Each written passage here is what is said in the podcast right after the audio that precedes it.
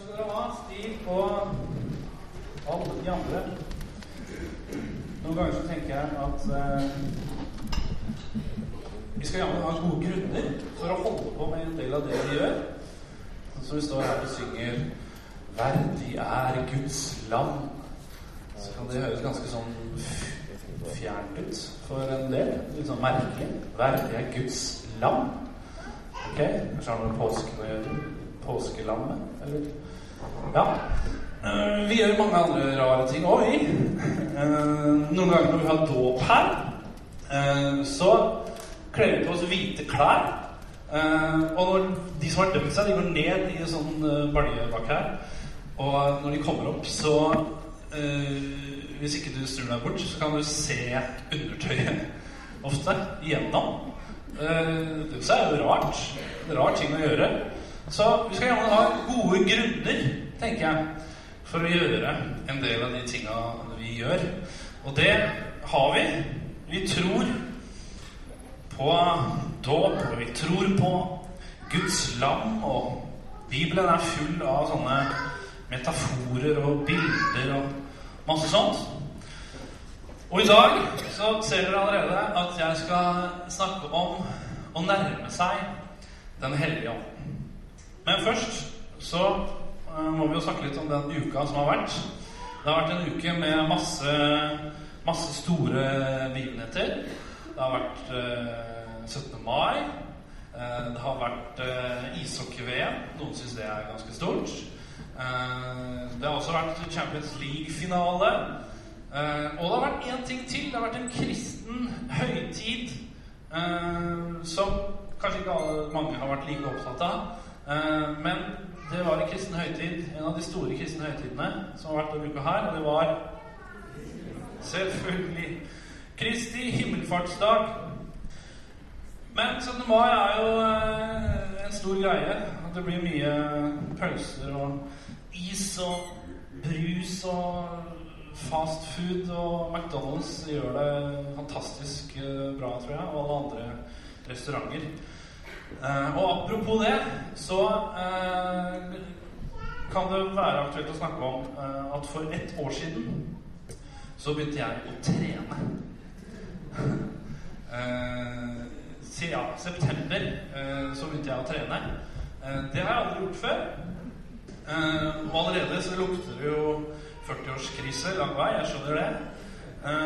Men det er litt sånn da at én ting er at En ting er at man får barn som begynner å vokse opp, og tenåringsdøtre som, eh, som begynner å utvikle seg og sånn.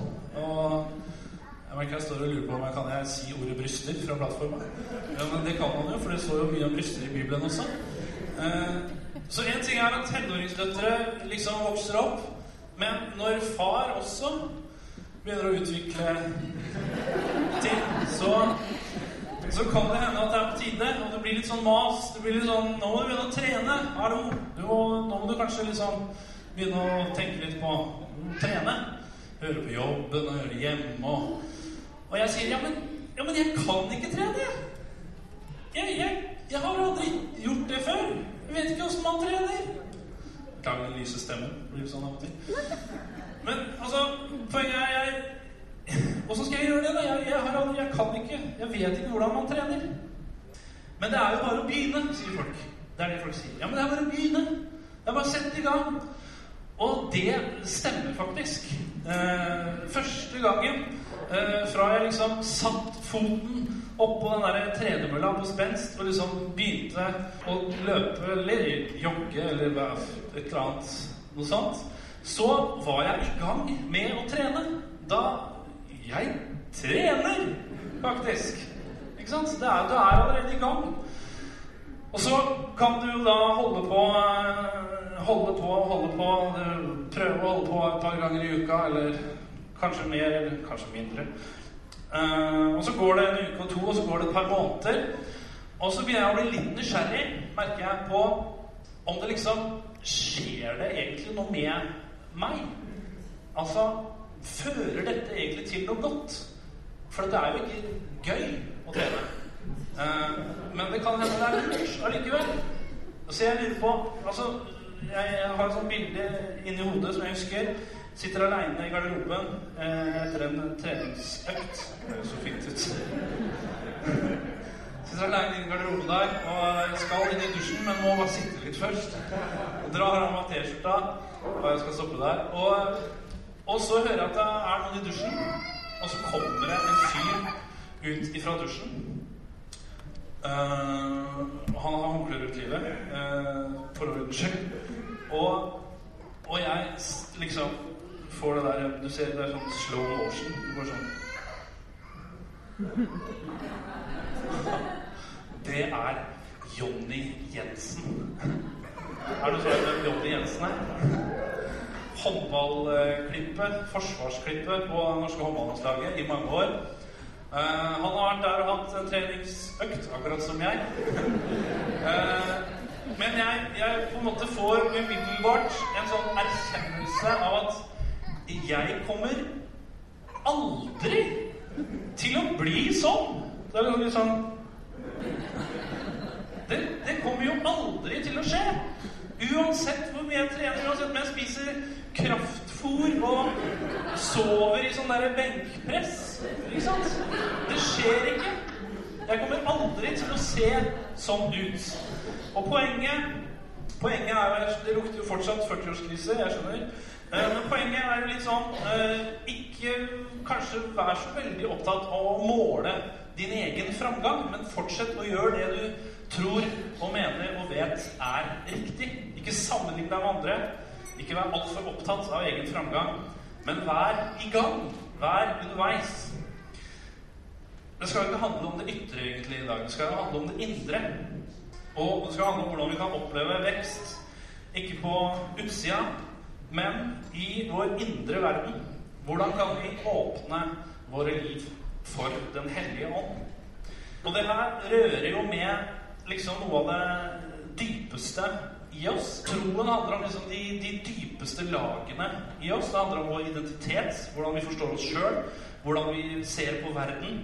Eh, og det handler også om hva vi dypest sett stoler på.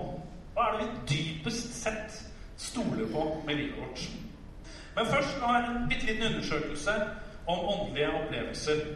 Eh, og dere trenger ikke å rekke opp hånda nå, men jeg kan bare tenke litt. For jeg lurer på hvor mange er det som har vært på kristne møter eh, hvor, det har, hvor, det har, skjedd forskjellige sånne åndelige aktiviteter, og det har vært oppfordra til å gjøre forskjellige ting. Eh, det har vært oppfordra til å be på forskjellige måter. Noen eh, ber sånn, og noen ber sånn, men noe av og til så sier predikanten liksom Nå skal vi be sånn her, liksom. Og så, og så står du der, og, og det blir litt sånn der, akkurat som meg i garderoben kan jeg Hallo, jeg kan jo ikke be sånn. Det er ikke helt meg, liksom. Blir, uh, du bare merker at det liksom øh, Det blir rart. Men så kanskje prøver du litt allikevel. da Kanskje du hiver deg på allikevel. Men du har en litt sånn der, rar følelse inni deg. Eller kanskje du til og med allerede har hatt en sånn opplevelse her i dag mens vi sto sammen lovsanger. For noen så blir det veldig intimt og veldig sånn og klamt og nært og uvant å stå der og synge veldig sånn derre masse intime ord om eh, å elske og nærhet og sånn. For noen så er det litt sånn derre Man merker at man liksom spenner seg litt. Rann. Eller kanskje det har vært en del av et kristent ungdomsmiljø hvor alle hadde voldsomme kristne åndelige opplevelser, og hvor alle i noen miljøer blei omstøpt. Begynte å ta de tunger og hadde syner og åpenbaringer, og alle tilsynelatende, sånn som du husker det i hvert fall, tok liksom helt av. Mens du kjente liksom bare Sorry, ass. Dette, dette det her, Jeg er på en annen planet. Det, det, blir rart. Det blir vanskelig for meg. Kanskje du til og med har vært hjemme hos noen en gang. Eh, noen venner. Og så er det noen som eh, sier til oss Skal vi be sammen? Kan vi ikke be sammen? Det er veldig fint. Veldig bra å gjøre det. Men så har du samtidig kjent det derre stikket inni kroppen. Sånn derre Det tør ikke jeg. Jeg tør ikke å be høyt. Selv om det er venner eller om det er folk jeg kjenner. Så tør ikke jeg det. Eh, og du tør heller ikke å si det, kanskje. da Jeg tør ikke det, i hvert fall. De gangene jeg har opplevd det. Liksom si sånn Uh, det er en veldig god start, som regel. Uh, da skjønner alle at du skal si noe som du syns er litt vanskelig å si. Uh, jeg jeg syns dette er litt vanskelig, jeg. jeg syns det er unaturlig for meg. Jeg klarer det ikke. Jeg tør ikke. For da, da kler du liksom deg sjøl naken og sier på en måte kanskje Jeg er ikke så veldig sånn som ber og sånn, jeg. Ja. Og så veldig åndelig og sånn, kanskje. Men det vil man kanskje ikke si, da. Eller det vil man kanskje ikke liksom la folk få vite. Og så er det forskjellige faser når det gjelder åndelig vekst. Det er ikke sikkert alle kjenner seg igjen i det jeg står og prøver å liksom beskrive her nå. Det er ikke sikkert uh, mange kjenner seg igjen i det heller, men jeg tror at noen kjenner seg igjen i det.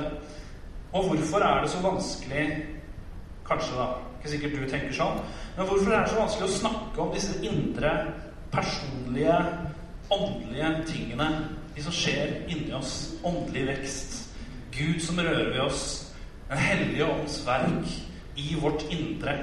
Hvorfor er det så vanskelig å snakke, det, snakke om det med andre? Kunne man, kunne man eh, sagt ting til hverandre om disse tingene her som hadde hjulpet hverandre? Uh, hvorfor er det sånn at det med Den hellige ånd, som skulle være liksom sånn inkluderende, uh, varmt og nært, av og til allikevel kan bli sånn at folk føler seg utafor? Folk føler at Ok, det her er ikke helt meg, liksom. Dette er ikke for meg. Er for noen sånne åndelige spesialister eller noe sånt, kanskje, men, men, ikke for meg. Jeg må bare trekke meg litt unna nå. Ehm, kan vi ha en type respekt for hverandres opplevelser og mangel på opplevelser som gjør at vi isteden blir et fellesskap som inspirerer hverandre, som lokker hverandre, og som hjelper hverandre til at åndelig vekst kan skje? Det var innledningen, på en måte. Nå skal jeg snakke om tre ting som har med åndelig vekst å gjøre. Og da skal vi først begynne å lese i Galaterbrevet. Det kommer bak på skjermen her, tenker jeg. Går det an å se det? Ja. det går an å se.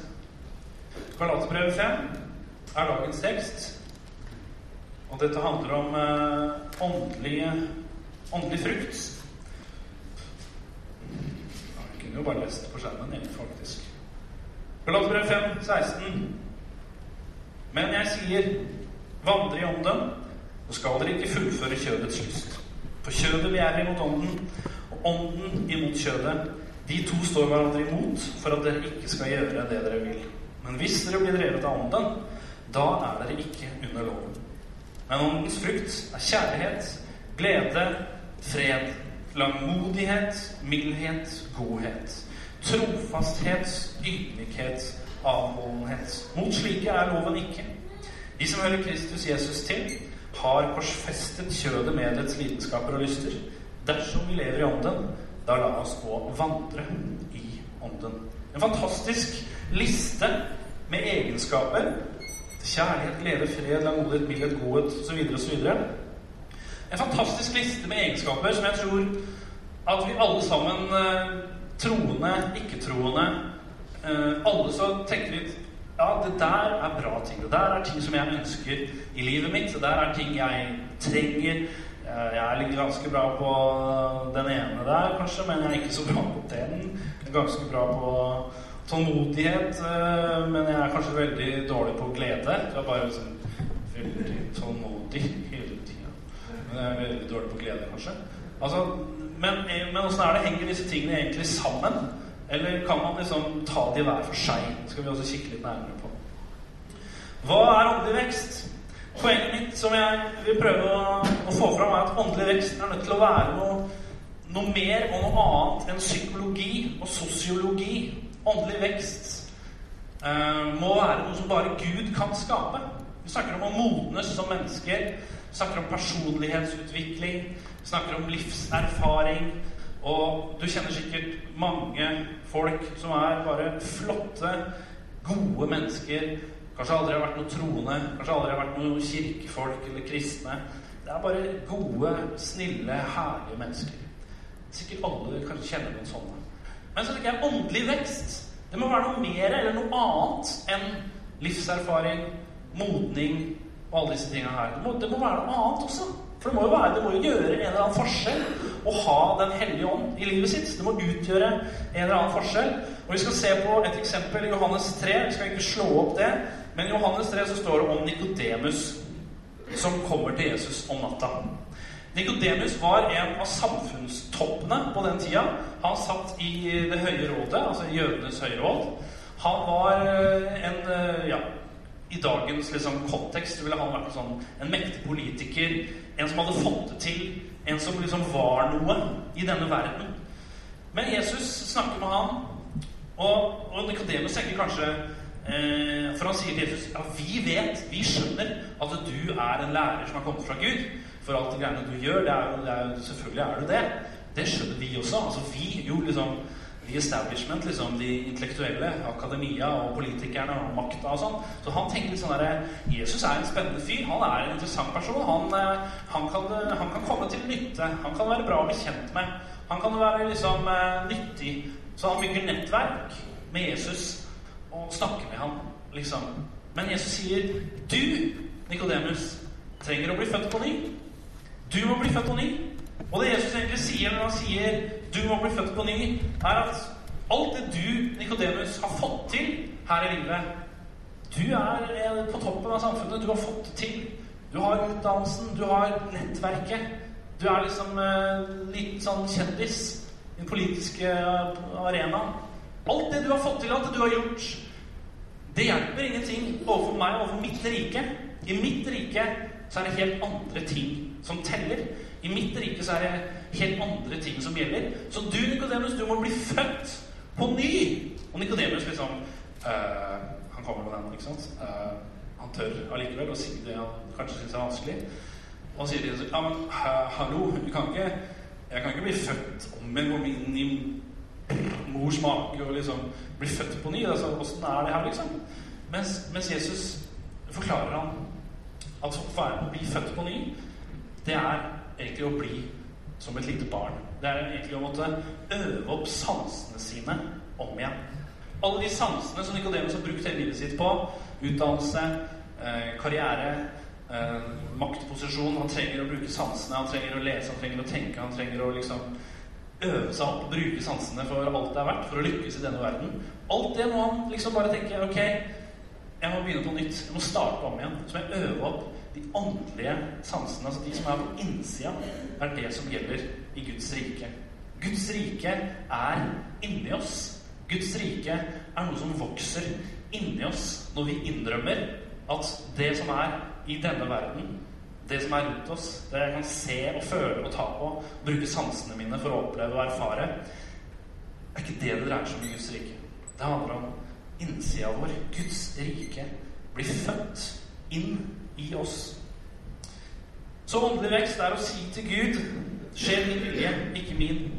Det er å åpne seg for Den hellige ånd og få lyst til å gjøre det samme som Den hellige ånd. Og åndelig vekst er når åndens frukter trer frem i livet våre, og vi ligner litt og litt mer på Jesus. Det er Guds vilje. Og hvorfor er det viktig? Punkt nummer to. Nummer én hva er åndelig vekst? Nummer to hvorfor er det viktig?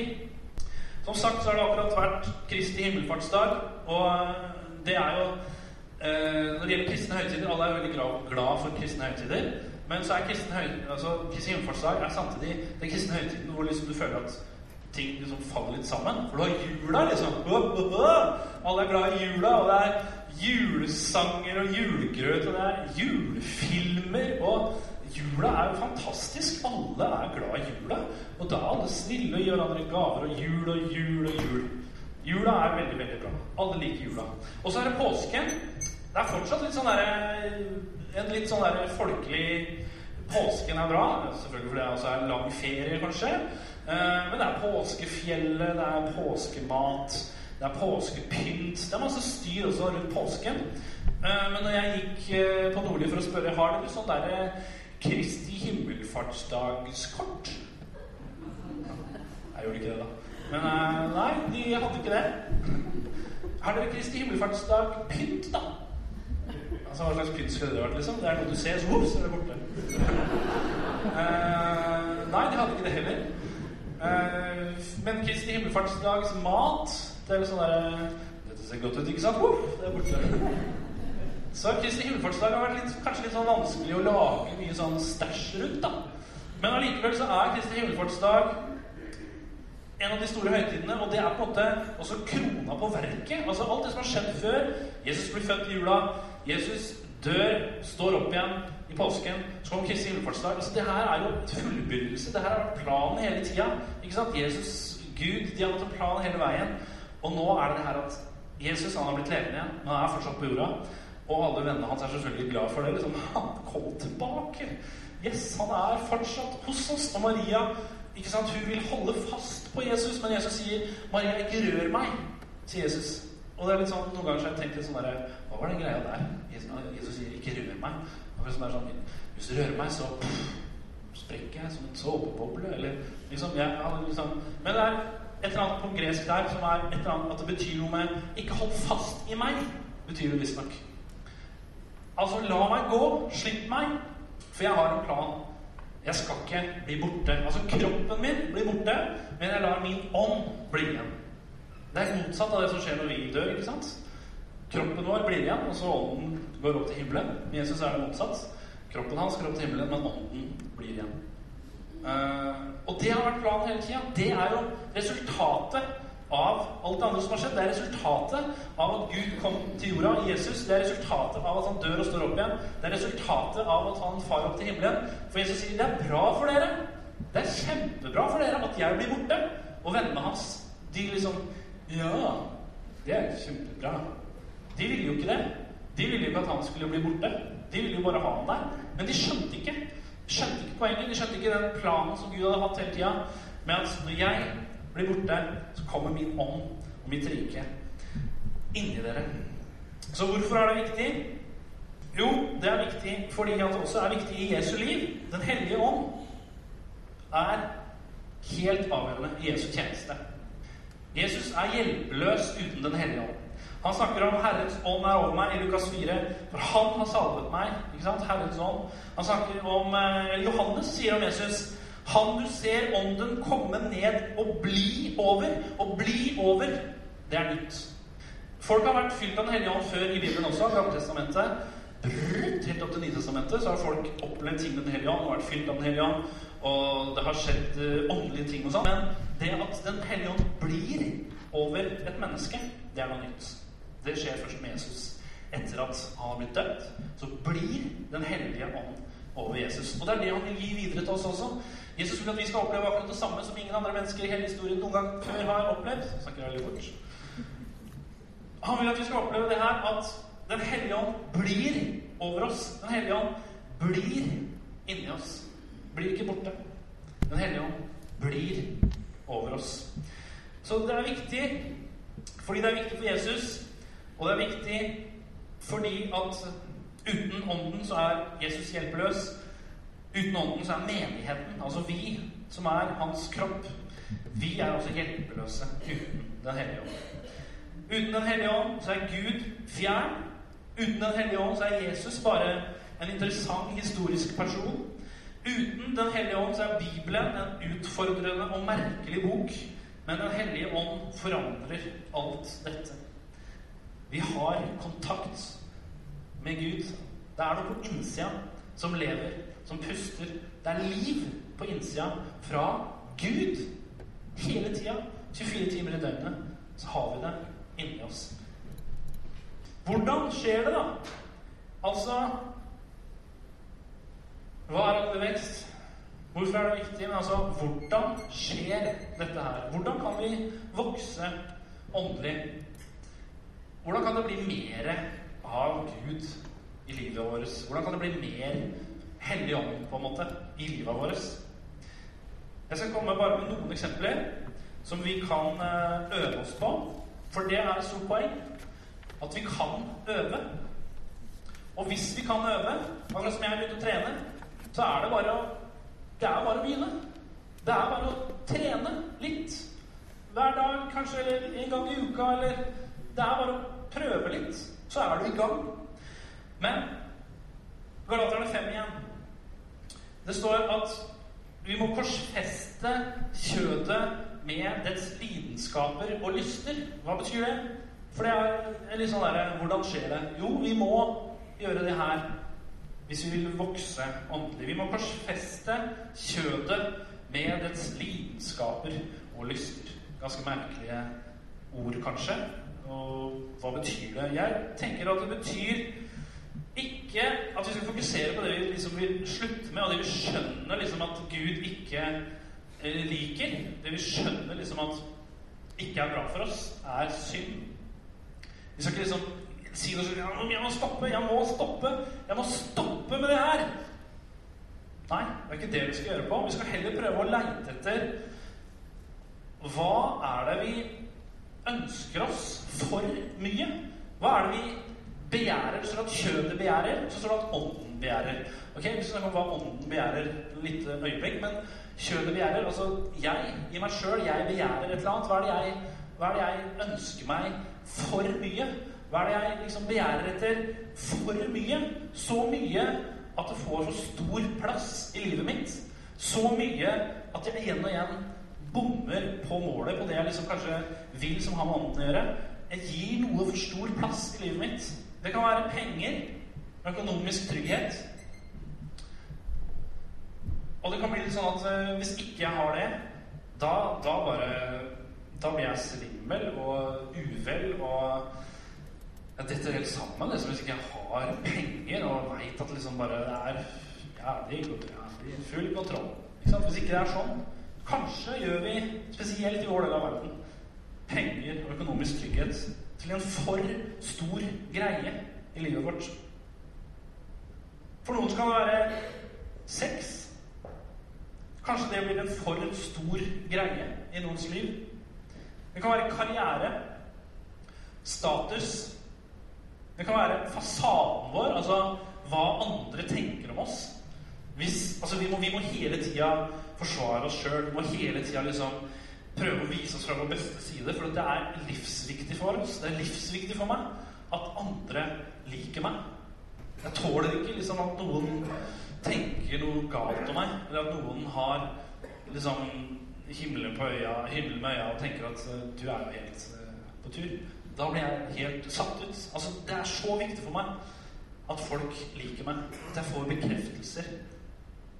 Egentlig så er det å være selvopptatt. Og det kan bli en for stor greie i livet vårt. Men hva med ånden, da? Løsningen er å vandre med ånden, eller vandre i ånden. Og det handler om å gå i takt med ånden. Være enig med ånden. Og gi ånden rett i det ånden begjærer. Og hva er det ånden begjærer? Hva er det ånden har lyst på? Hva er det ånden gir plass i sitt vesen, i sin væren? Jo, Den hellige ånd gir all plass til Jesus. Den hellige ånd ser alltid på Jesus. Den hellige ånd begjærer Jesus. Så løsningen på åndelig vekst er på en måte å ha lyst på Jesus, hvis vi kan si det sånn. Begjær. Det er jo et nesten litt sånn vulgært ord, forbinder vi med det. Men det er noe sånn det er, det er noe sånn Det er dypt. Det er med hud og hår. Det er liksom Det er voldsomt uttrykk. Det er begjær. Det er å ha lyst på. Den hellige ånd begjærer Jesus. Så hvis vi mangler noen av disse egenskapene, hvis vi ser at uh, her har vi mye å strekke seg til Glede, fred, kjærlighet, tålmodighet, alt det her Og hvis vi føler at eh, nei, disse, det, det, er ikke noe særlig vekst eh, som skjer egentlig på disse områdene her, så er det fordi vi leiter på feil sted. Vi, vi, har fylt opp livet vårt kanskje med feil ting. Uh, og derfor så ser vi ikke hvor vakker Jesus er. Den hellige ånd hele tida fortelle oss Se hvor vakker Jesus er. Et annet punkt som vi nå skal gjøre etterpå, det er nattverden. Og det er at Den hellige ånd hjelper oss å huske. Den hellige ånd hjelper oss å huske alt Jesus har gjort. Det er noen som sier at, de sier at Den hellige ånd har plakater av Jesus over hele rommet sitt. Bare som et sånt bilde på at han digger Jesus. Jeg hadde plakater på hele rommet mitt da jeg var liten. Ja, ungdom. Av eh, forskjellige mennesker som ikke jeg nevner navn på nå. Men jeg hadde sånn plakatrom. Eh, og Den hellige ånd så ser bildet, han har bare plakater av Jesus på rommet sitt. Han er den største fan. Han elsker Jesus. Han digger Jesus. Han ser hele tida og beundrer Jesus. Men Den hellige ånd hjelper oss å huske alt som Jesus har gjort. Samtaler er en annen greie, som er en sånn ting vi kan øve oss på. Vi kan øve oss på å være enige med Ånden. Vi kan øve oss på å huske. Det gjør vi i nattverden. Det er en slags øvelse på å huske. Og vi kan øve oss med samtaler. Vi kan spørre noen som vi stoler på, noen som vi kjenner litt godt, som kanskje har vært kristne en stund. Du, hva gjør du når du ber? Hva, hva, hva sier du, liksom? Hvilke ord bruker du? Eller når du leser i Bibelen, får, får du noe særlig ut av det? Liksom, har du noen tips? Åssen gjør du det når du leser i Bibelen? Eller åssen er det med liksom ditt indre liv? Liksom, hva, føler du veldig Guds nærhet og sånn? Eller åssen er det med deg? Så kan man ha en samtale med noen man stoler på. Så kan man utveksle erfaringer. Så kan man kanskje se at noen av de tinga som du syns eh, kanskje fungerer litt, kan du tipse om og inspirere en annen til, og motsatt. Så samtaler er veldig bra. Det siste vi kan gjøre, som vi kan øve oss på, det er å høre på følelsene våre. Eh, for at følelsene våre, de lyver ikke. Følelsene våre skal vi ikke bare dytte unna. Følelsene våre skal vi ikke liksom bare tråkke på og tenke at eh, ja, følelsene går opp og ned, og hallo. Uh, og det er helt riktig at følelsene ikke nødvendigvis er gode veivisere. Men kanskje kan vi tenke sånn når vi blir sinna at liksom Hvorfor blir jeg sinna nå? Hva er det inni meg som bare øh, reagerer? Ikke sant? Når jeg møter han, eller når hun sier det, eller hva er det for noe? Hvorfor blir jeg sånn? Eller når du blir lei deg. Eller når du blir usikker. og kjenner at du liksom vil krympe deg når du er sammen med andre mennesker. Hva er, hva er greia? Øv deg på å stille deg sjøl spørsmål. Hva, hva, skjer med meg nå? Hva, hvorfor blir jeg sånn? Kanskje det er noe inni meg som Den hellige ånd kan gjøre noe med? Kanskje jeg trenger åndelig vekst, raushet, tålmodighet, kjærlighet, mildhet Ok, kanskje jeg må øve meg litt igjen nå. Kanskje jeg trenger en litt sånn treningsleir, nesten. Skal jeg avslutte? Noen påstår at vår tid er øh, veldig overfladisk, og at vi øh, ikke er så flinke til å være oppmerksomme på hva som foregår i vår indre verden. Fordi det er så fantastisk mye i vår tid med underholdning og duppeditter og tilbud og øh, masse som skjer, og tidsklemma og alt mulig. Og det er masse bra ting. Det er masse gode ting. Um, men noen ganger så lurer jeg på Jeg tenker på meg sjøl også. Er jeg klar over hvilke muligheter jeg har? Er jeg klar over hvilke fantastiske Hvilken fantastisk skatt som Gud har liksom gitt inni meg et eller annet sted? Jeg pleier å be med barna mine på kvelden, så ber jeg Takk, Gud, for at du bor i kroppen vår og aldri blir borte, pleier jeg å be blant annet. Og det er sånn Gud bor inni oss. Gud bor i kroppen vår. Det er så svært. Det er en sånn skatt. Og igjen og igjen så føler jeg at jeg tar for lett på det. At jeg liksom tar det som en selvfølge. Og vi skal få opp et vers fra Fesebrevet som handler litt om det. Der er det på engelsk fra The Message, og så er det jeg som har prøvd å oversette til norsk. Uh, på engelsk så står det altså Don't grieve God, don't break his heart. His Holy Spirit's moving and breathing in you is the most intimate part of your life, making you fit for Himself. Don't take such a gift for granted. Altså, gjør ikke Guds sorg, ikke knus hjertet hans. Hans hellige ånd som beveger seg og puster inni deg, er den mest intime delen av livet ditt og gjør deg i stand for seg. Ikke ta en slik gave for gitt. Ok, skal du skal du gi oss dårlig samvittighet? er det som er poenget ditt nå. Liksom, på slutten av prekenen så er det sånn som man sier om kristne, at de har ikke god samvittighet hvis ikke de har dårlig samvittighet. Uh, er det det som er liksom greia her? Uh, ikke ta det for gitt, liksom. Og få dårlig samvittighet sånn at du ikke tar det for gitt noen gang mer. Nei, jeg tror ikke så veldig på dårlig samvittighet. Jeg tror ikke det nødvendigvis fører til så mye bra. Men det er mer den der tanken på at det er en fantastisk mulighet som er der hele tida trenger ikke å Det er veldig fint at du kommer til bykirken og er her i dag, og sånn, men du trenger ikke på en måte å komme til bykirken for å møte Gud. Du trenger ikke å, å liksom oppsøke spesielle steder eller spesielle tidspunkter for å oppleve og erfare Gud. Du har Gud i deg. Så du trenger ikke å søke liksom utover til et eller annet sted, til bykirken eller til et annet sted, eller til en eller annen konferanse eller til en leir eller til et kloster eller hvor som helst. Du trenger ikke å søke utover for å finne Gud. Du kan søke innover. Og for noen så blir det sånn Ja, litt sånn, høres litt sånn New Age-aktig ut, nesten. Søke inn i deg selv. Ja, men Gud er jo her inne. Den hellige ånd er jo en kilde inni deg. En kilde som veller fram, og som hele tida peker på Jesus.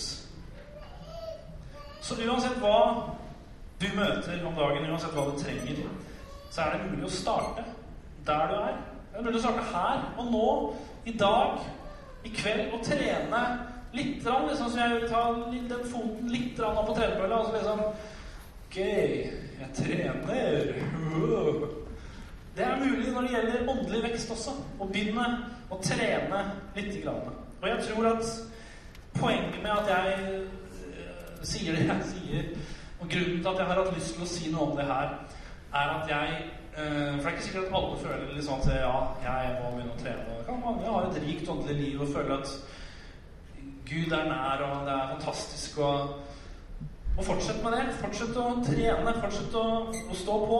Men så tror jeg også kanskje at noen er litt der, som jeg også har vært tidligere i livet.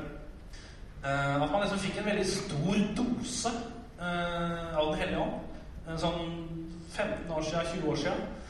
Hvis du har vært i kristne miljøer lenge, og vært i sånne pinsemenigheter og karismatiske menigheter, så har du opplevd noe av det. At det var veldig åndelig en stund. Det var veldig kraftig. Folk skulle be veldig høyt. Det skulle være veldig voldsomt ikke sant? med syner og åpenbaringer. og Alt var veldig veldig, veldig åndelig. Det var masse fokus på det. Og demoner og demonutdrivelser. og Det var, det var masse Det var mye, mye mer fokus på det for 15-20 år siden. Og mye av det var bra. Og noe av det har vi kanskje tenkt at Hallo, det var jo helt på tur. og så har vi snakka om det eh, i 10 år, 15 år. Og så har vi rista på huet av en del av det. Og så har vi eh, kanskje også nesten snakka negativt om en del av de tinga vi har vært med på før.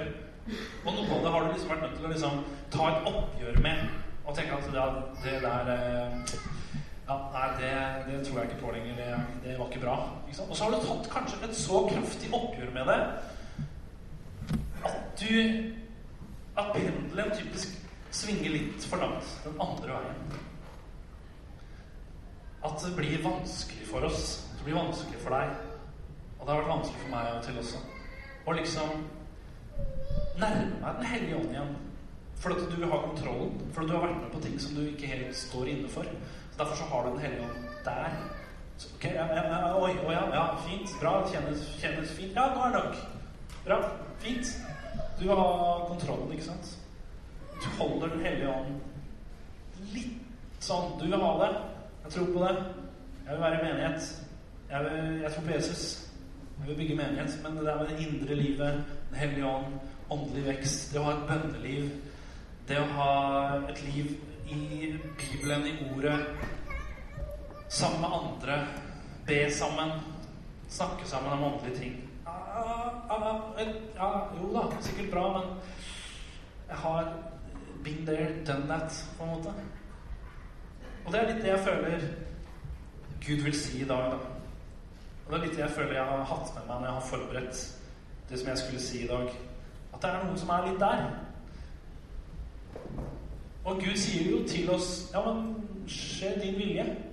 Men Gud vil jo at vi skal snu det og si Gud, skje din vilje. Det Gud vil med oss. Evangeliet handler ikke om å ta seg sammen. Evangeliet er gode nyheter, ikke gode råd. Og de gode nyhetene er at alt det her er klart. Alt det her er tilgjengelig. Hvis du er født på ny, så har du det inni deg. Kilde med levende vann som bobler fram. La oss åpne oss for Den hellige ånd, sånn at vi begjærer og beundrer det samme som ånden, og sier Kan ta det siste bildet. Sier 'Jesus, så vakker du er'. Det står flere ganger i Bibelen også dette uttrykket her. Jesus er så vakker. Og det er litt sånn derre brud- og brudgomspråk. Det blir veldig intimt. Det blir veldig nært. Går hjem og leser Høysangen, så nesten som man rødmer når man leser Høysangen. ikke sant? For det er så nært. Det er så intimt. Og der står det her i. Der står ikke Jesus, men det peker fram mot Jesus. Min elskede, så vakker du er. Skal vi be. Far i himmelen, vi ber i Jesu navn. Takk for at din Hellige Ånd er hos oss. Takk for at din Hellige Ånd er i oss, vi som har tatt imot deg, blitt født på ny. Takk for at du er her akkurat nå, Hellige Ånd. Hjelp oss å huske hva Jesus gjorde for oss. Vi klarer ikke å elske andre mennesker før vi ser at du elska oss bare fordi vi er de vi er. Da kan vi også elske andre mennesker. Og hvordan skal vi få glede dersom ikke vi ser hvor vakkert det er, det som du har gjort for oss, Jesus? Hvordan skal vi få fred dersom ikke vi innser at hva i all verden kan vi stole på hvis ikke vi stoler på deg? Hvordan skal vi få tålmodighet dersom ikke vi ser deg, Jesus, henger på korset og sier 'Far, tilgi dem'?